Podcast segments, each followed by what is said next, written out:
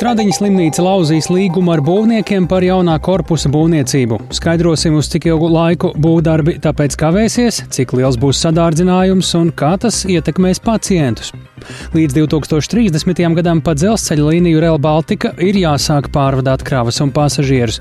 Tā intervijā Latvijas radio uzstāja augsta Eiropas komisijas amatpersona Katrīna Trautmane, sakot, ka tikai tad komisijai būs pamats turpināt finansēt projektu.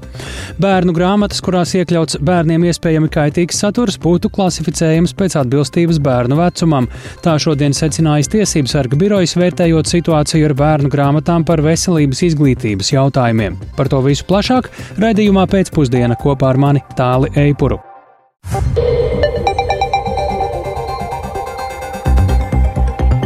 Pūkstens rāda 16,5 minūtes, skan pēcpusdienas ziņu programma, skaidrojot šodienas svarīgus notikumus. Studijā tālāk Eipurs. Labdien!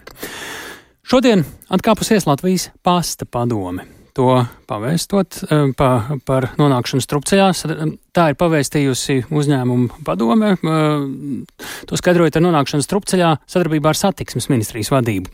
Ministrija izbrāķējusi pasta virzīto stratēģiju, un tā arī nebija pieņemams padomas plāns šogad slēgt 105 no 176 pasta nodaļām. Ministrijā tagad apsver citus risinājumus pasta pakalpojumu saglabāšanai reģionos. Tāpat ministrija pastam pārmeta nepienācīgu komunikāciju ar iedzīvotājiem un citiem, ekstravagantus tēriņus, labāko darbinieku apbalvošanas pasākumam un padomas priekšsarātāja Raimonda Dūdas došanos dārgos mācību braucienos uz Šveici. Kāda šobrīd izskatās Latvijas pasta turpmākā darbība, klausāmies Jāņa Kīņš ierakstā. Ar publisku vēstījumu trešdienas rītā atkāpusies Latvijas pasta padome. Tās priekšādātājs Raimons Dūda un padomas loceklis Ivars Blumbergs šo lēmumu pamatojuši ar strupceļu sadarbībā un komunikācijā ar satiksmes ministrijas vadību. Konkurences nozarē liek mainīt Latvijas pastu un vairāk nekā gadu ir veidot uzņēmumu jaunā stratēģija. Tā paredzēja mainīt biznesa modeli, kā arī uzņēmumu padarīt mūsdienīgāku. Tas ietver arī plašu rezonanci raisījušo plānu šogad slēgt 105 no 176 Latvijas pasta nodaļām. Tāpat no jau jau bijušajiem padomus locekļiem nesaprotam ir ministrijas vadības komunikācija par labāko darbinieku apbalvošanas pasākumu lielajām izmaksām. Par tām esot bijis zināms arī ministrijā. Domstarpība pamatā vēl viens aspekts padoms līdzinājā vadītāja Raimonda Dūdas pieti mācību braucieni pērn rudenī uz Šveici par 25 tūkstošiem eiro. Sākot tos izmeklēt sīkāk, padoms locekļi atkāpušies. Ja tas nebūtu noticis, sadarbība visticamāk tiktu izbeigta, norādīja satiksmes ministrijas valsts sekretāra pienākumu izpildītāja Ligita Austrupe. Redzējums, kāds valdīja Latvijas pasta padomē, ir būtiski atšķirīgs no tā redzējuma, kāds ir satiksmes ministrijā. Un, uh, Es jā, labprāt pieņemu šo pasta padomus locekļu atlūgumu. Ministrijā turpinās izmeklēt ekstravagantos tēriņus, kā tos nodēvēja satiksmes ministrs Kaspars Briškens no progresīvajiem. Savukārt plāns gada otrajā pusē slēgt lielāko daļu no Latvijas pasta nodaļām nesot bijis pienācīgi apspriests ar sabiedrību, kā arī nebija saskaņots ar Latvijas pasta darbiniekiem, par ko trauksmi cēlus arī Latvijas sakaru darbinieku arotbiedrība. Tāpat ar iebildumiem ministrijā vērsušies arī izdevēji par drukātās preses turpmāko piegādi, kā arī Latvijas pašvaldību savienība, jo pasta nodaļas daudziem ir vieta arī norēķināt aprēķiniem un pensiju saņemšanai. Tāpēc jau pērn sāktā pasta nodaļa reforma ir nobremzēta. Briškens klāsta, ka par pasta pakalpojumu pieejamību cer uz iedzīgu sadarbību ar uzņēmumu valdi. Vienlaikus viņš uzsver, ka vajadzības gadījumā prasīs no valsts budžeta papildu līdzekļus. Es esmu arī koalīcijas partnerus informējis par to, ka mēs meklējam dažādas opcijas, kā nodrošinot pakalpojumu nepārtrauktību, uzlabot arī pasta darbību. Piemēram, vērtējam iespējas pasta nodaļas apvienot ar šiem pašvaldību vienotajiem klientu apkalpošanas centriem, vai izvietot viņus bibliotekās, vai apvienot pasta nodaļas, veidot viņas dzelzceļa stacijās vai vienoties ar mazumtirdzniecības uzņēmumiem, tā skaitā mazajiem veikaliņiem, degvielas uzpildes stacijām par iespēju daļēji šos eh, pakalpojumus nodrošināt šādā veidā. Papildus tam, ka tiek attīstīts pakalpojums eh, attiecīgi pastnieks pēc pieprasījuma. Latvijas pasta līdzinājās padomas publiskā komunikācija aprobežojās ar rakstisko vēstījumu. No papildu komentāriem par izteiktajiem pārmetumiem no jau bijušais Latvijas pasta padomas loceklis Ivars Blumbergs izziņā Latvijas radio atteicās. Drīzumā satiksmes ministrija izsludinās konkursu uz vietām Latvijas pasta padomē, savukārt pagaidu locekļus izraudzīs jau drīzumā. Jānis Kincis, Latvijas radio. Un Latvijas pasas nav vienīgā vieta, kur šodien jārunā par ļoti nopietnām pārmaiņām. Cik izmaksās Stradiņas slimnīcas jaunā korpusa būvniecības līguma laušana ar būvfirmu Velve? To šobrīd mēģina saprast veselības ministrija. Slimnīca jau šobrīd strādā pie tā, lai pēc iespējas ātrāk varētu atrast citu būvnieku. Jau tagad ir skaidrs, ka būvniecība ir sadārdzinājusies, un līguma laušana ir vienīgā iespēja novērst tās turpmāku kāpumu bez garantēta būvdarba noslēguma termiņa. Plašāk par situāciju un to, kas notiks tālāk, ir gatava skaidrot kolēģe Sandra Dieziņa. Lūdzu, Sandra! Jā, tāli. Šī līguma laušana šķiet nevienu neizbrīnīja, jo problēmas jau bija ilgstošas. Slimnīca ziņoja gan par to, ka būvnieks nepilda saistības, gan par to, ka objektā konstatēti nopietni defekti, tostarp pelējums un vēl citi pārkāpumi. Jauno slimnīcas sēku vajadzēja pabeigt līdz šī gada 1. jūnijam, bet šogad būvnieks atkal lūdz atkārtot pagarināt termiņu. Slimnīcas padomas prāt tas parāda, ka būvnieks ilgtermiņā nav spējīgs pildīt līguma saistības. Par cik ilgu laiku iekavēsies un sadārdzināsies jaunās ēkas būvniecība, kur slimnīca ņems naudu un kā tas viss ietekmēs pacientus, tas interesē daudzus. Veselības ministrijas valsts sekretāre Agnese Valuļiene man skaidroja, ka problēmas ar būvnieku bijušas ilgstoši, un tam beidzot jāpieliek punkts. Tiesa pagaidām nav skaidrs, cik tas viss izmaksās. Klausāmies!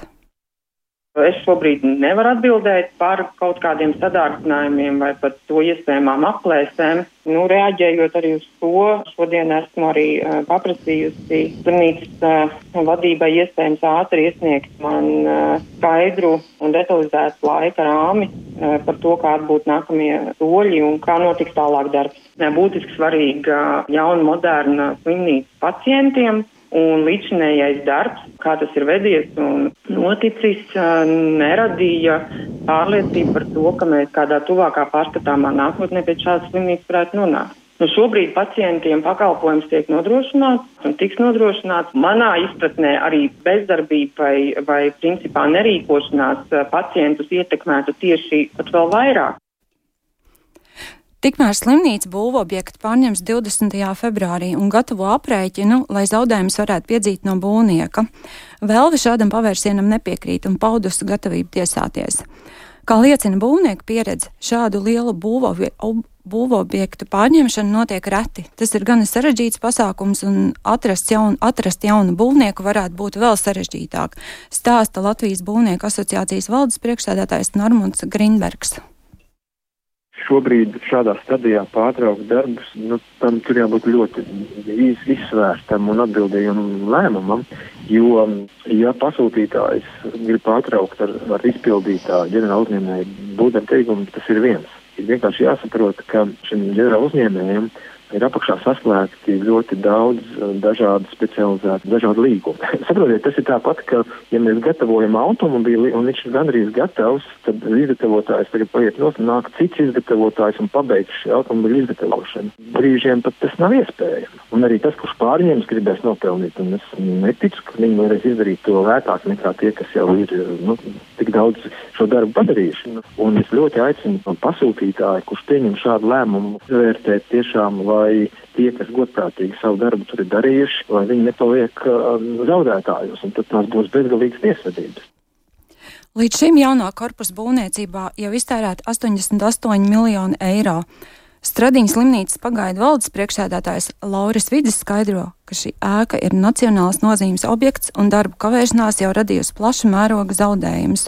Nav apgūti 26 miljoni eiro no Eiropas fondiem, vēl bijusi papildu vienošanās par 16 miljoniem eiro. Piedzenamās summas apjoms no vēlves vēl tikšot aprēķināts. Notiekošais rada nērtības slimnīcas ikdienas darbā, bet slimnīcas vadība pāris, pāris mēnešu laikā cer atrast jaunu būvnieku, lai šo nacionālās nozīmes objektu varētu pabeigt. Pāris mēnešus tas izklausās ļoti ātri priekš tik liela objekta, bet, protams, ka sakosim līdzi arī šim stāstam. Sakām paldies Andrei Dieziņai šeit radījumā pēcpusdiena un Turpinām to. Arvien vairāk ir tādu avio pasažieru, kuriem tiek liekts lidot eh, pašu agresīvas uzvedības dēļ. Janvārī vien par agresīvu uzvedību vai atrašanos pārmērīgā alkohola reibumā no Rīgas lidojums tika atteikts 39 cilvēkiem. Tas ir vairāk nekā pērn vidē mēnesī, kad fiksēti ap 4,5 simtiem šādu cilvēku visa gada laikā. Pirms četriem gadiem pie lielāka apkalpoto pasažieru skaita šādu nemieru cēlāju bija mazāk. Kolēģi Dārts Pēkšana Civilās aviācijas aģentūras pārstāvim Aivim Vincevam vaicāja, kāpēc agresīviem avio pasažieriem pēdējā laikā jāskaras arvien biežāk. Mēs to, protams, sasaistām ar to, ka kādu laiku arī aviācija bija slēgta saistībā ar Covid-19 pandēmiju. Un tas mūsu novērojums ir arī to, ka pēc šīs mājasēdes vai ilgstošas atrašanās kaut kādā izolētā vietā, tas, kas bija pāris gadus bez iespējas ceļot, bez iespējas atpūsties, cilvēki ir kļuvuši ātrāk, arī agresīvi. Par to liecina arī kaut vai tas apstākļus, ka agrāk arī šādiem cilvēkiem, kur ir pārmērīga alkohola reibumā, varēja pateikt, ka, diemžēl, mums ir jāatsaka jums lidojumi, tad viņš šo situāciju izprata un incidentu nevērsa sliktākā. Šobrīd ir tieši pretēji, ka šādos gadījumos par šie cilvēku sāsina savu attieksmi pret drošības darbiniekiem līdz tam, ka nāks piemērot fizisku spēku. Kur ir tā robeža, kad agresija jau tiek uzskatīta par bīstamu?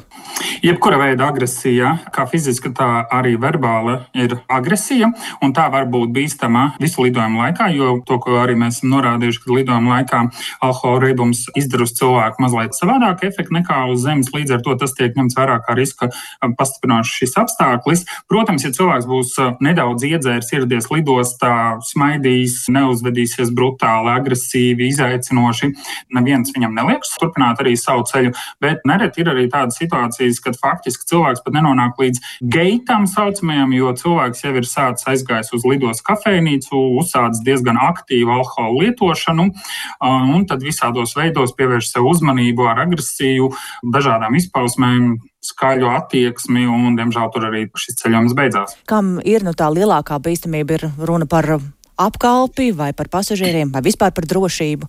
Drošības riski ir visām iesaistītajām pusēm. Vispirmām kārtām arī šim pašam pasažierim, kurš ir pārmērīgi alkohola reibumā.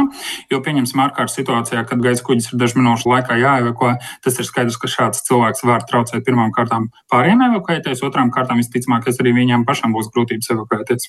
Ja mēs runājam par šiem cilvēkiem, kuriem lidojums ir atteikts, tie galvenokārt ir mūsu pasažieri vai no citām valstīm? Jā, šāda statistika mēs, protams, datu aizsardzības no nolūkā neievācām. Mums tas nav šobrīd arī svarīgi. Mēs analizējam galvenmērķus.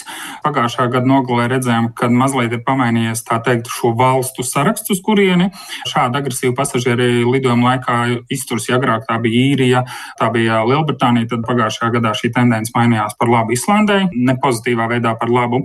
Redzam, ka tas varētu būt saistīts ar šo darba spēku migrāciju. Kāds ir sots par šādu uzvedību?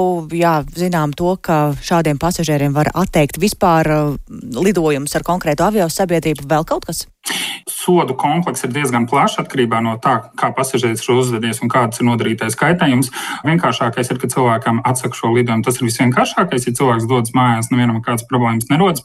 Tajos gadījumos, kad nāks piesaistīt tiesību sargājušās iestādes, tad tas varētu būt administratīvais sods. Tieši tāpat, ja kaut kādi incidenti ir bijuši arī gaisa kuģī, tad avio kompānijām ir tiesības izvērtēt un ievietot uz laiku vai uz mūžu pat šo pasažieru saucamajā melnajā sarakstā un nebūs iespēja šim pasažierim vairs pārvietoties ar konkrētu avio kompāniju. Nu, ir arī, diemžēl, tādi ļaunākie gadījumi, kad šādu pasažieru dēļ ir nācies veikt ārkārtas nosēšanos. Šādos gadījumos arī pret pasažieru var vērst desmitiem tūkstošu lielu piedziņu pārradītiem zaudējumiem. Latvijas praksē nav bijis, bet citu valstu praksē ir jārēķinās ar to, ka ir piemērot arī cietumsodi. Mēs šobrīd runājam par cilvēkiem, kuri nav nonākuši līdz savam lidojumam, bet vai bieži ir tādi gadījumi, kad cilvēks kļūst agresīvs, piemēram, alkohola reibumā vai kā citādi tieši lidojuma laikā? Jā, kā mēs redzam, arī pēc statistikas arī ir būtiski pieaudzis to pasažieru skaits, kas tieši šo agresiju izrāda jau lidojuma laikā. Tāpēc, protams, drošības dienesti lidlauka teritorijā lidostā dara visu iespējamo, lai jau viņi nenonāk līdz šim lidojumam, bet nav izslēdzams un pasažieriem ir iespējas, un tas, ko mēs arī redzam, ka viņi paņēmuši ņēmuši šo alkoholu līdzi, turpina lietot lidmašīnā, un tad lidojuma laikā arī nu, viņu attieksme viss mainās. Tā civilās aviācijas aģentūras pārstāvis Aivis Vincevs komentējot pieaugušo nemieru cēlāju skaitu uh, lidojumos uh, no Rīgas. Kā jau dzirdējām, avio kompānijas var noteikt arī ierobežojumus uz laiku vai uz mūžu. Un tā uh, šie pasažieri vairs kādu laiku arī nevar lidot, ja ir apdraudējuši gaisa kuģu lidojumu drošību. Pērn Nacionāla avio sabiedrība Air Baltica šādu aizliegumu noteica septiņiem pasažieriem, bet vēl gadu iepriekš 15 pasažieriem. Bet nu par kādu citu pārvietošanās veidu, šoreiz pa dzelzceļu no Air Baltica pie Real Baltica. Līdz 2030. gadam pa dzelzceļa līniju Real Baltica ir jāsāk pārvadāt krāvas un pasažierus. Tā intervijā Latvijas radio uzstāja Eiropas komisijas Ziemeļjūras Baltijas TNT pamatīkla koridoru koordinātori Katrīna Trautmane. Ja pamatrase tiks izbūvēta, tad komisijai būs pamats turpināt finansēt Real Baltica projektu. Ar Katrīnu Trautmanu Strasbūrā sarunājās kolēģis Arķems Konahovs, un viņš eh, pirms vēl klausāmies šo interviju, šobrīd mums arī pievienojas tiešraidē. Arķem, vispirms eh, atgādini, kāpēc vispār šobrīd eh, par šo tēmatu ir svarīgi runāt. Jā, sveiks tālu. Tik tiešām par šo tēmu šobrīd ir būtiski runāt, jo pēdējā laikā daudz kas ir izskanējis par kavējumiem, kas varētu būt ar šo līniju, un arī būtiskiem sadārdzinājumiem, kas arī varētu būt. Un tāpēc ir eh, nozīmīgi šobrīd saprast, kāds ir Eiropas komisijas skatījums, vai ar eh, Real Baltica ir iespējams pabeigt iecerētajos termiņos, un eh, cik tas īsti maksās, un vai to naudu, kas ir atvēlēta, varētu arī pietikt vismaz tiešām tās pamattrāsas izbūvēi. Jā, Tāli. ko ar jums īsti nozīmē šīs ietekmīgās koordinators Katrīnas Trautmanas sacītais un kādā kontekstā tas izskan? Vai šis tā kā nav tāds, nu, ļoti nopietnas mājiens, ka esam nu jau tā kā par daudz sākuši kavēties? Jā, tik tiešām kavēšanās ir, bet, eh, kā mēs dzirdēsim arī intervijā, Trautmans kundze norāda, ka kavēšanās ir daudziem projektiem un daudzu lielu projektu šobrīd piedzīvo sadārdzinājumu. Tā kā tas nav nekas unikāls un nav nekas neparasts, bet ir jādara, ir jāpārstāj runāt, ir jāsāk darīt. Tas ir tas, kas ir jaušams eh, viņas eh, teiktajā, un jāsaka, ka viņa to ir sacījusi Strasbūrā, kur notika Real Baltica draugu grupas tikšanās. Un atgādināsim, ka ka tā ir draugu grupa, tie ir deputāti, Eiropas parlamenta deputāti. Roberts Zīle to no Nacionālās apvienības koordinē un, un vada jau vairākus gadus. Tajā piedalījās arī vairāki citi deputāti no Latvijas, gan Ivars Ieps no Latvijas attīstībai, gan arī dzen, bija arī citi, citi pārstāvji un, protams, arī RB Rail uzņēmuma, kopuzņēmuma vadība un arī dzen, trīs Baltijas valstu ieviesēji un arī satiksmes ministrijas. Tā kā pietiekami plaši pārstāvji pārstāvniecību. Un eh, pēc, tieši pēc šīs tikšanās, kur tika arī apspriests jaunākais un kādi ir izaicinājumi, tad es arī satiku Katrīnu Trautmanu, lai redzētu viņas viedokli un dzirdētu viņas viedokli par to, kas ir būtiski šobrīd un eh, cik tad, tad līdz 2030. gadam ir iespējams visu paveikt. Un eh, vaicāja viņai, kā, kā viņai šobrīd izskatās situācija ar Rail Baltica. Paklausīsimies. You know, it is advancing. And, uh, me, uh, to, uh, to Projekts attīstās, un man tas ir galvenais priekšnosacījums, lai būtu iespējams uzsākt īstenošanu. Mēs esam jaunā situācijā, kas nes jaunas grūtības. Visi lielie projekti sastopas ar vieniem un tiem pašiem izaicinājumiem - izmaksu sadārdzinājums, drošības jautājumi. Mēs strādājam īpašā vietā, un tāpēc ir svarīgi, lai projektā piedalītos atbilstoši uzņēmumi. Tas viss ļauj organizēt projekta īstenošanu realistiskos posmos ar ierobežotu izmaksu pieaugumu, ar labu tehnisko dizainu un tā ieviešanu dzīvē. Tam šobrīd ir pievērsta mana lielākā uzmanība. Nevienu lielu projektu nav iespējams realizēt uzreiz. Tā notiek tikai pasakās, nevis dzīvē. Tādēļ tagad notiek lielas diskusijas, jo arī Baltijas valstīs ir vērojama zināma vilcināšanās un pārdomas. Tas viss ir normāli. Tā notiek gan Baltijā, gan Polijā, gan visur citur, tostarp arī manā valstī, Francijā, jo visur tagad vajag atrast naudu. Līdz ar to jautājums ir, kā atrast līdzekļus un kā būt pietiekami veikliem, lai rastu jaunu jaunus risinājumus. Mēs tos atradīsim. Man ir svarīgi, lai būtu iespējams arī turpmāk pieteikties finansējumam no Eiropas infrastruktūras savienošanas instrumenta uz tiem pašiem nosacījumiem jo šis instruments ļauj sekt no Eiropas Savienības budžeta 85% no attiecināmām izmaksām.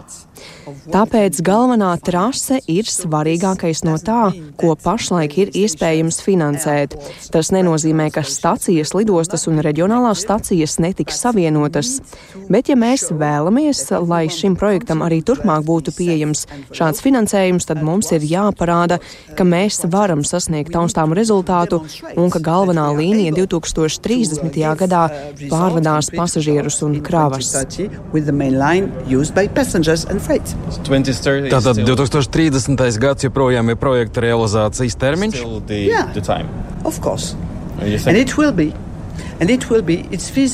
Jā, protams, tā tas arī notiks, jo to ir iespējams paveikt. Pēc tam mēs būsim gatavi turpināt, bet šis termiņš ir ļoti svarīgs.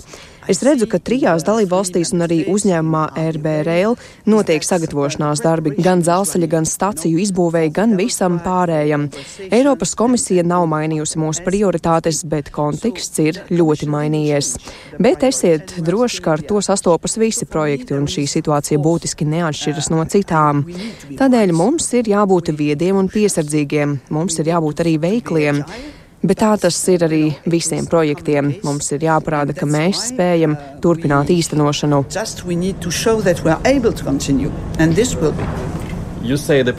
Jūs sakat, ka vispirms būtu jāuzbūvē pamattrases un pēc tam pārējo? No, later, Jā, līdz 2030. gadam, bet tas automātiski nenozīmē, ka pārējiem būtu jānotiek vēlāk. Tas būs atkarīgs no ārējiem apstākļiem, kurus nav iespējams paredzēt. Mums ir jāturpina uzturēt uzņēmumu interesi, lai viņi gribētu piedalīties šajā projektā, lai iepirkumu konkursos būtu pietiekami liela konkurence. Tas ļaus iegūt labākas cenas. Pašlaik tas tā joprojām ir, kaut arī izskan jautājumi par to, vai šo projektu ir iespējams pabeigt un vai tajā ir vērts piedalīties. Tagad mēs varam parādīt, ka ir notikuši lieli un veiksmīgi iepirkumi. Tas, ka Latvijā nesen ir parakstīts liels iepirkuma līgums par projektu īstenošanu, dod lielu cerību, ka viss tiks paveikts.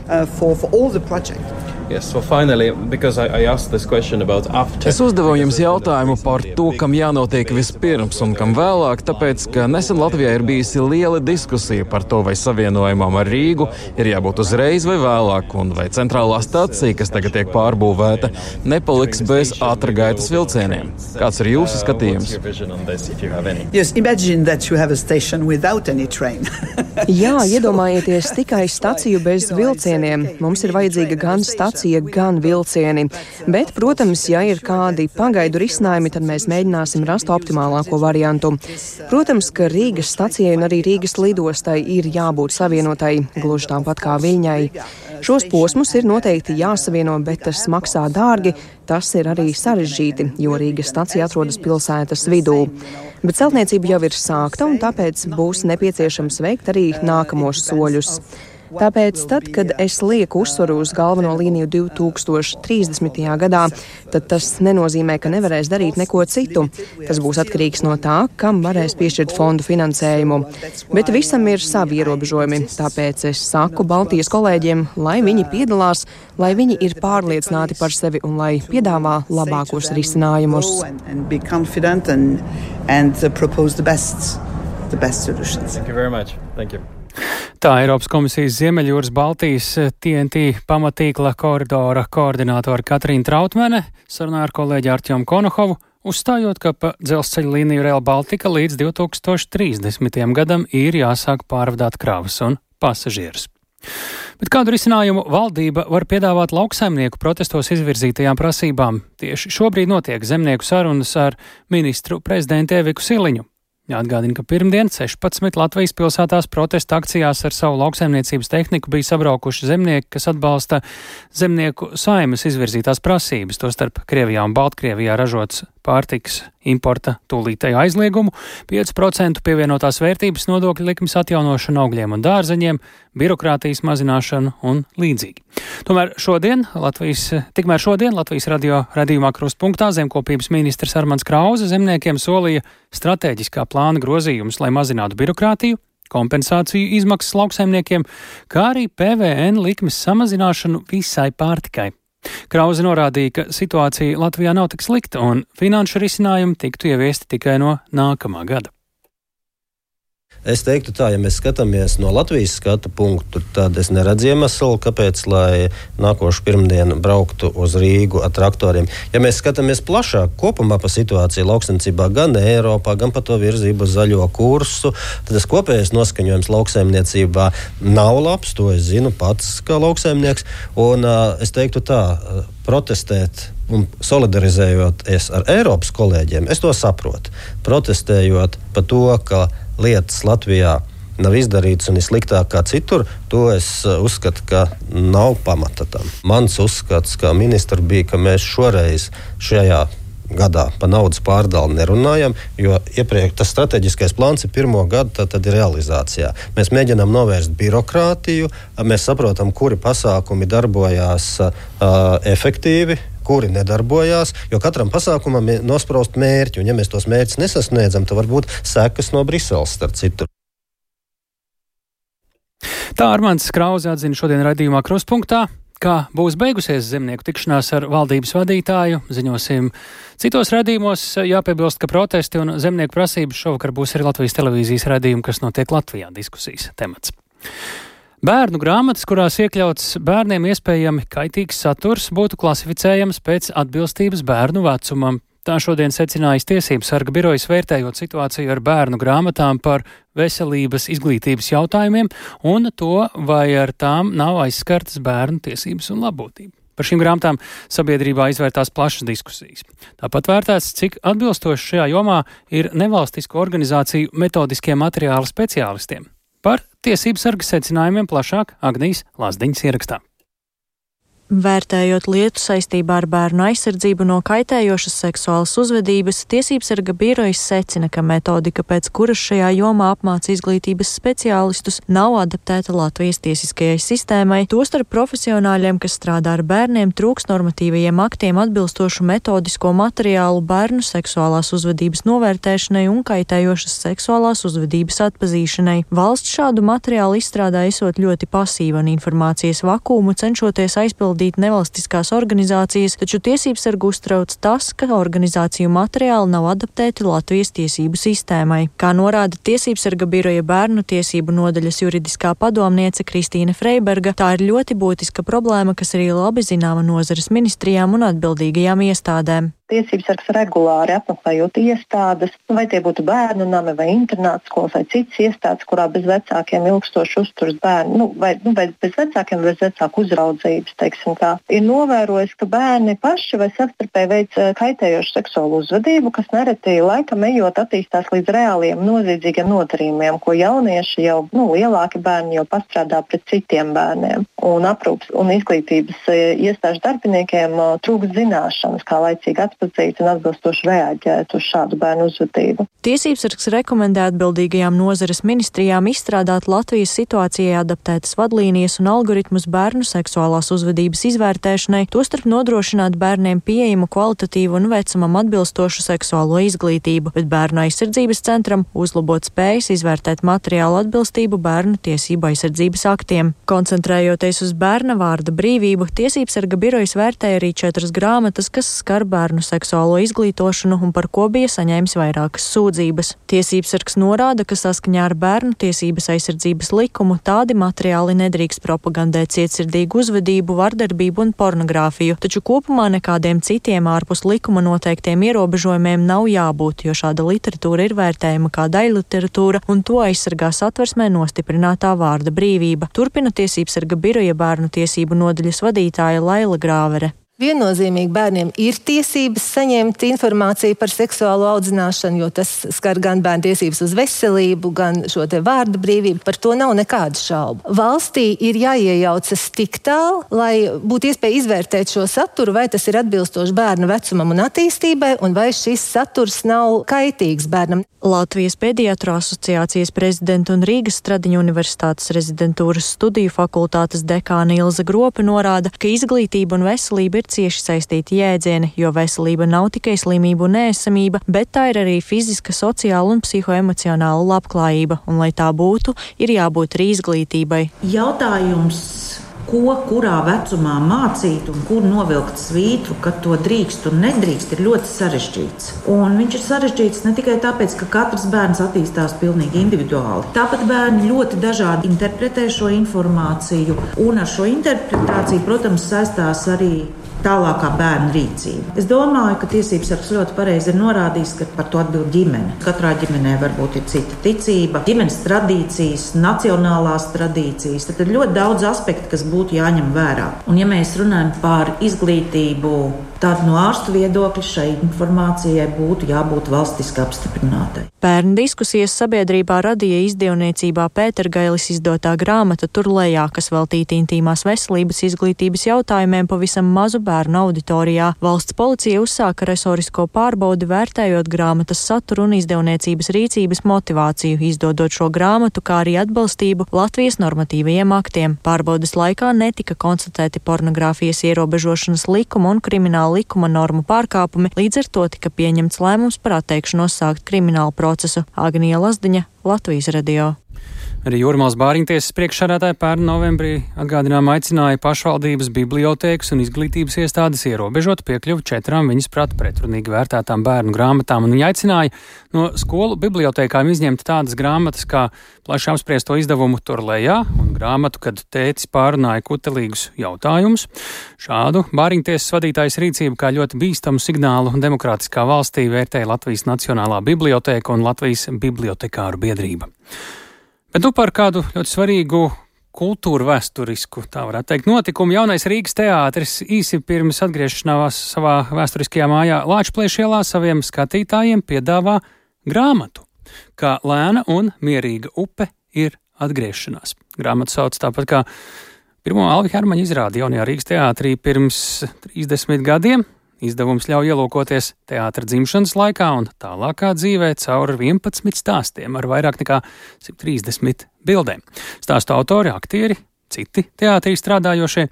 Grāmatas atvēršanas notikumā šodien klāt bija arī kolēģi no raidījuma Kultūras Rondā Ingvilda Strautmane. Sveiki, Ingvilda! Nu, lūdzu, pastāsti par jauno grāmatu. Vairāk ar ko jāsāk? Jā, vispirms ir jāsāk ar to, ka grāmata ir pie manas kolēģis no ziņām Baibas Kušķis, jo viņi gatavo rītdienas reportāžu programmai Labrīt, un tur ir īpaši ieraksti Latvijas rādio cilvēkiem kopumā, kas būs interesanti kultūra vēsturiski. Bet, protams, ka no tādas ziņas viedokļa es domāju, ka svarīgi ir tas, ka teātris sola, ka izrādes Lašplēš ielas namā tiks sāktas jau marta otrajā pusē, vismaz vismaz tā tagad tiek plānots. Un uh, otra ziņa ir tā, ka šī grāmata ir ļoti personīga. 11 cilvēki ir rakstījuši savas uh, ļoti personiskās uh, atmiņas un domas, kā tas ir bijis pirms 30 gadiem, pirms 20 un tā tālāk. Garāk, īsāk, ko viņi paši uztvēra, uzsvēra, ka nekādas cenzūras no galvenā režisora Alvi Hermaņa nav bijis, un viņš ir šīs idejas autors. Bet, um, Tā kā šī grāmata ir tik personiska un arī bildes vai fotogrāfijas, ko jūs redzat tur iekšā, tās ir tādas, kas līdz eh, šim publiski nav um, tiražētas. Tās ir um, bildes, kas ir bijušas teātra arhīvā, katra aktiera vai, vai citu teātra darbinieku arhīvos, un uh, mākslinieca Kristīna Jurjāna to visu ir veidojusi tādā īpašā kolāžā. Bildes, nu kas par ko tev bija, varbūt, nezinu, pārsteigums vai ieplatās acis, vai bija jāsmejas vai jābrīnās?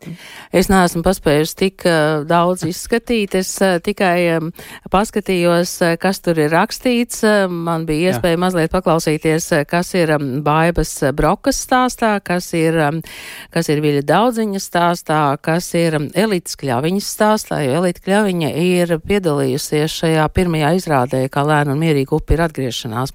Man gan šodien precizēja, ka tā nav vispirmā vispār izrāde, bet pirmā Alvija Hermaņa izrāde, ka pirms tam ir vēl bijušas izrādes, bet tas tad ir. Tā tieši ir Alvija Hermaņa jā. pirmā izrāde jaunajā Rīgas teātrī kā režisora. Bet tur mums jāpastrīdās. Nu, pirms tam jaunais Rīgas teātris bija un to vadīja Juris Rīnieks. Jā, jā, jā. Tieši mm. tā. Bet eh, mēs tagad runājam par šo te Alvija Hermaņa 30 gadu posmu jaunajā Rīgas teātrī. Un um, es domāju, ka mēs varam paklausīties uh, Gundara Āboliņu. Uh, viņš bija ļoti filozofisks, tad, kad viņš bija pie mums šeit studijā. Pirmdien mēs rakstījām radio mazās lasītājus. Viņš bija tikko no tipogrāfijas dabūjuši savu autoru eksemplāru viena nepilna minūte.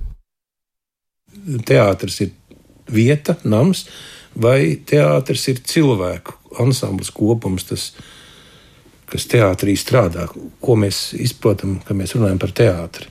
Ja mēs esam ārzemēs, tad mūsu uztver par teātri kā cilvēku kopumu. Ja mēs esam šeit Rīgā, tad tas tomēr nesarām ir saistīts ar vietu, kur mēs spēlējam. Skatītājiem piemīt ļoti liela inerce vēl ar vienu iet uz vietu. Viņi ir pieredzināti doties uz vietu. Tā tā ir jāiemina. Tas nenotiek ātri, bet ja reiz tā taka ir iemīta un tās, tā stiga ir saka, izcirsta, tad arī pie zināmām neveiksmēm vai varbūt nu, panākuma krituma cilvēku uz šo teātri kā vietu turpina iet. Jā, tā aktieris Gundars Āboliņš, viņš ir no šiem uh, 11 autoriem, viens no šiem autoriem, un tātad grāmata kā Lēna un Mierīga upe ir atgriešanās, um, Gundars to nosauc par atgriešanās grāmatu, un tā droši vien mēs to varētu teikt. Man ir um, pilns diktafons ar uh, šodienas ierakstiem, ko dzirdēsiet kādā kultūras rondo. Nu, piemēram, jaunais aktieris Toms Harjo vakar pirmo reizi mēģināja uz Lāčplēša ielas skatus. Un... Jo jaunais kurs Lāčplēša ielā vēl nav spēlējis. Nu, nav, nav, protams, un uh, bija interesanti klausīties to viņa sajūtu, kad viņš teica, ka tur viss ir īsts, tur nav koka imitācijas. Un mēs vienojāmies, ka arī tām izrādēm tur ir jābūt ļoti īstām. Bet, uh, ja par to vietu, tad. Um, Arī es domāju, ka tā ir tāda jauna ziņa.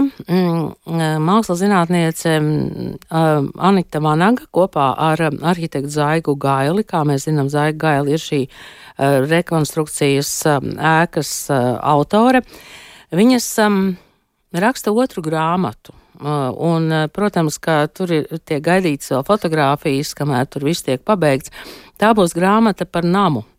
Ja šī grāmata ir par uh, teātri no iekšpuses, tad uh, šī otra grāmata būs par um, namu no ārpuses ar visiem pieciem teātriem, kas tur kādreiz ir, ir spēlējuši. Tā kā es domāju, ka mēs gaidīsim arī šo otru grāmatu, un, protams, ka mēs gaidīsim to, uh, kādas izrādes tiks uh, radītas un rādītas Lāčplēša ielas namā. Un es domāju, ka, protams, ka katra jauna publiska kultūras būve iesākumā ir nu, tāda tā kā ekskursija vieta, ka mēs aizējam paskatīties, kas nu tur ir izdarīts, mēs pārbaudam, kas mums patīk vai kas mums nepatīk. Kas no vecā ir palicis vai nav? Kas no vecā ir palicis vai nav. Jā, tieši tā.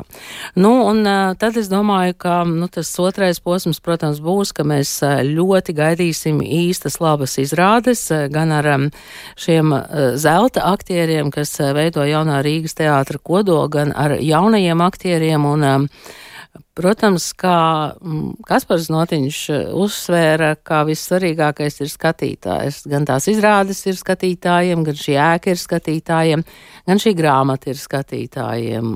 Tā kā, jā, mīļie skatītāji, jums ir grāmata. Nu, jau arī lasītāji. nu, jau arī lasītāji, jā. Un eh, es Baibai Brokai atgādināju, ka cik ir labi, ka Latvijas rādio ir fiksējis viņu latviešu stāstus un tos var paklausīties Latvijas rādio arhīvā. Tur ir viņu uh, slavenie latviešu stāsti, tur ir sarunas ar šo latviešu stāstu prototipiem. Un uh, Baiba Broka man teica, ka tas bija tas pirmais brīdis, kad uh, viņi arī kaut ko rakstīja. Un uh, ir šie zelta latviešu stāsti, kas ir grāmata, kas ir iznākusi pat nezinu kurā gadā pasen. Tur tie stāsti ir rakstīti. Un uh, tagad viņi tā tad atkal trenējās rakstīt.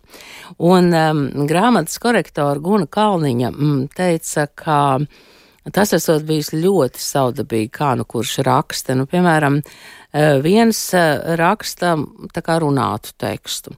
Gunai Zariņai esot pilnīgi sava gramatika ko arī respektē. Eh, tad ir ļoti īsi raksti, tad ir ļoti gari raksti. Tā kā, mm, jā, eh, to visu var um, apskatīt, mm -hmm. to visu var izlasīt un, un tās bildes apskatīties. Tas sacīja Guna Zāriņa, tu pieminēji Kaspar Znotiņu, Vils Daudziņu, Baiba Brokka, Gundars Āboliņš, Elita Kļaviņa, tad um, teātra direktora Gundega Palma un um, cilvēks, kas atbild par ārējiem sakariem. Un un, protams, galvenais režisors Alvis Hermans. Respektīvi, ne tikai aktieri un mākslinieki. Ne tikai, jā, jā. Tas ir un, ļoti svarīgi. Un es Gundegai Palmai jautāju, kāda ir tā viņas sajūta, jo tas direktors ir tas, kuram to visu ir jāsakārto, ko šie radošie prāti izdara. Viņa teica, ka mierīga, neskatoties uz to, ka ir riskantas situācijas, viņas sajūta ir mierīga. Un um, es viņai arī jautāju, jā, par grāmatu. Tu noteikti prasīsi. Jā, es gribēju, mums vienkārši dažas sekundes ir atlikušas, kur varēs. Uh... Stundu pirms izrādes teātrī un uh, ar piegādi Latvijā. Internetā var pasūtīt. Jā, tā kā lūdzu skatieties jaunā Rīgas teātra mājaslapā. Paldies Ingvildai Strautmanai, kolēģei no raidījuma Kultūras Rondo par šo plašāk. Tātad rīt raidījumā Labrīt arī Baibas Kušķis ieraksts, bet eh, šis bija ziņu raidījums pēcpusdiena, un eh, to veidojām mēs Tāls Epūrs, Ilzā Ginta, Kaspars Groskops, Rita Karnača. Ja vēlties šo raidījumu klausīties savērtā laikā, ņemiet eh, Latvijas radio mobilo lietotni, meklējiet dienas ziņas. Mēs tiekamies arī rīt, kā katru darbu dienu pēc ziņām 4 un 5.